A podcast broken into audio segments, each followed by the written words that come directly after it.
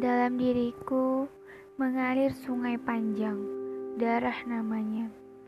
Dalam diriku menggenang telaga darah, sukma namanya. Dalam diriku meriak gelombang sukma, hidup namanya.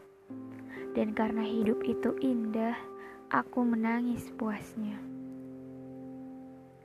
Hujan bulan Juni Tak ada yang lebih tabah dari hujan bulan Juni. Dirahasiakannya rintik rindunya kepada pohon berbunga itu. Tak ada yang lebih bijak dari hujan bulan Juni. Dihapusnya jejak-jejak kakinya yang ragu-ragu di jalan itu. Tak ada yang lebih arif dari hujan bulan Juni. Dibiarkannya yang tak terucapkan diserap akar pohon bunga itu.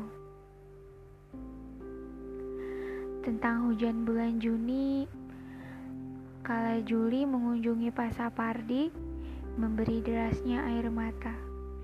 Sebab kita semua berduka.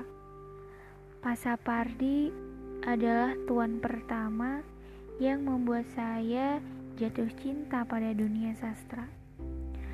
Pasapardi Selamat mengabadi, karyamu abadi.